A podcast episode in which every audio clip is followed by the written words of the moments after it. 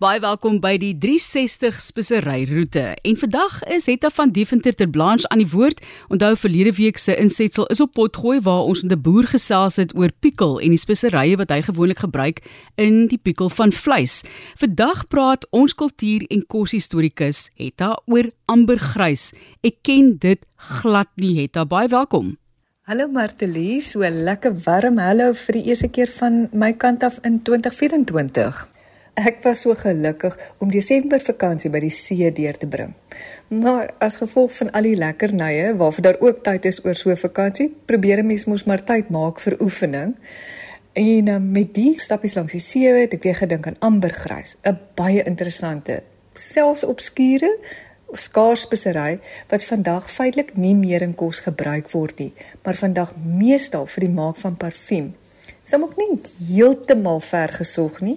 In die Leipold versameling in ons nasionale biblioteek is daar wel nog resepte waarin ambergrys gebruik is. So wat presies is ambergrys? Ambergrys is 'n wasagtige slijmerige afskeiding van die ingewande van die spermwalvis wat in alle diep oseane voorkom, ook aan ons kus. Dit kan soms binne in die dier verkry word, maar omdat walvisjag verbied word en dis mos nou nie eintlik meer iets waarvan ons vandag wil hoor of wat ons goedkeur nie, is dit meestal maar iets wat op die sand uitspoel of op die see dryf. En as ek dit moet beskryf, is dit 'n grys homp of 'n knoets wat kleinerig enigiets van 'n paar gram tot groot 90 kg kan weeg. Dit dit wissel in kleur van 'n ligte grys na donkerder of selfs bruinerige kleur, maar dis regtig iets waarby jy maklik verby sal loop. Het dan vertel vir ons bietjie van die oorsprong. Wie dit gebruik? Fossielrekords dui op bewyse dat ambergrys millennia oud is. En dit was blykbaar die Chinese wat eers die geure van ambergrys in hulle kos geniet het en dit nogal raak beskryf het as die geur van die draak se kwyl. Oeg, die ambergrys het 'n afskuwelike reuk en is beslis nie vir mense met 'n sensitiewe maag of reukse nie. Die geur word beskryf as woudvloer, muskusarm, pit en blomagtig, maar ek dink mense kan ook net sê dit ruik gewoon sleg. Dit het vir baie lank 'n misterie gebly waar hierdie skat uit die see, soos dit ook bekend is, vandaan kom, maar teen die 1800s toe grootskaalse kommersiële walvisjag beoefen is, is die oorsprong uiteindelik vasgestel, die ingewande van 'n walvis. So dit is nie 'n wonder dat dit so sleg ruik nie. Dis alom bekend dat walvisjag 'n stinkaffære was. Martelies, het jy ooit as kind lewertraan gedrink? Sjoe, ek probeer nou dink. Ek onthou die konsep van lewertraan, maar ek dink jy ek het dit baie gedrink nie en ek, ek dit klink asof ek dankbaar moet wees daarvoor. Jene Martelies, kyk, maas weet wat goed is vir kinders. En gelukkig kan ons vandag lewertraan net in 'n kapsule drink. Maar toe ons klein was, het my ma dit eendag in haar kop gekry dat sy vir ons lewertraan gaan gee uit so dit het gelyk na 'n groot bottel en met 'n lepel. Oh, Ek sien nou nog my arme sussie gesig as daai bottel nader kom en met so in my ma daai lepel so nader bring. My ma moes maar 'n blokkie sjokolade stroos agterna gee. Selfs ou Jan van Riebeeck het die robbejagters in sy tyd jammer gekry en vir die kombanjie versoek om 'n ekstra bonus te betaal aan die uh robjagters omdat dit so 'n aaklige stink storie was. So lyk like vir my robbe en walvisse het, het maar 'n redelike stink binnekant. Hoe is dit gebruik, Jetta? Ek het ambergrys al baie in middeleeuse Arabiese resepte opgelet en dit is dikwels gebruik om saam met ander aromatiese kruie soos byvoorbeeld kardemom 'n spesiale geur te gee aan 'n gereg. Die doel van die gebruik was as geurmiddel sowel as smaakmiddel.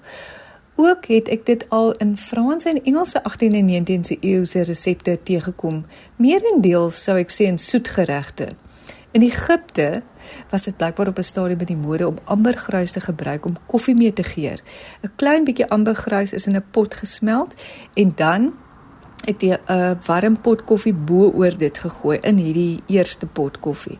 Dan is daar nog 'n metode deur net 'n baie klein stukkie, hulle praat van 'n 2 karaat stukkie ambergruis te vat, dit op die bodem van 'n koffiekoppie te plaas en dan warm koffie bo oor te gooi. Die Engelse lady Anne Fanshawe het in haar 1665 resep vir roomys ambergrys gebruik vir 'n ongewone geur.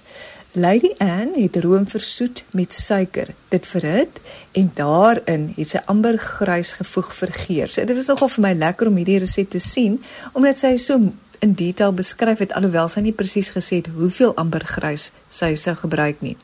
Dan het sy die room afgekoel en dit in ysbokse geplaas totdat die roomysmengsel gevries is en dan het sy hierdie roomysmengsel in bolletjies bedien met nog meer vars room daarbey as nagereg.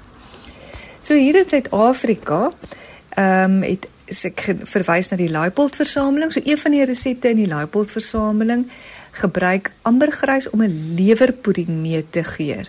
Die ouer resepte gee gewoonlik nie mos dan nie hoeveelhede aan nie, sou dit sou weer eens 'n baie klein hoeveelheid gewees het.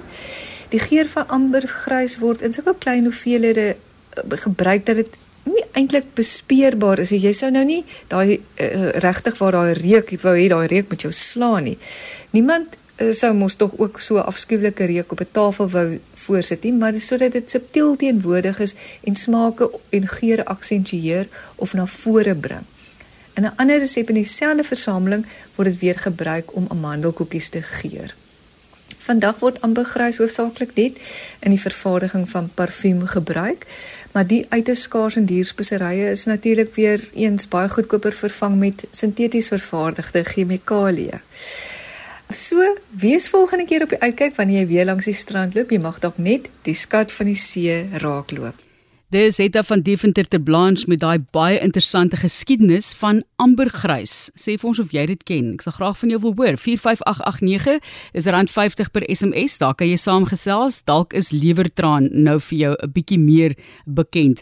Etta van Deventer ter Blanche is 'n kultuur- en koshistorikus en onthou sy soek ook daai ou boekies van jou. As jy bereid is om dit aan haar te verskaf, kan altyd 'n reëling tref. Sy soek dit nie geskenk noodwendig nie, maar dit gaan oor die optekening van alle resepte, alle kosgebruike in Suid-Afrika se geskiedenis. Ons hoor van jou, jy kan altyd vir my e-pos stuur as jy met haar in verbinding wil tree. Iemand het van jou op sosiale media gevra waarmee kan 'n mens borrie vervang want borrie laat haar sleg voel. En ons weet dit is interessant borrie is goed mos vir vir lae bloeddruk. So ek begin nou wonder of daar nie 'n koneksie is nie. Goed vir hoë bloeddruk, so bring jou bloeddruk 'n bietjie af. Maar interessante voorstelle wat sy gemaak het waarmee dit kan vervang, selfs skreeftoppe.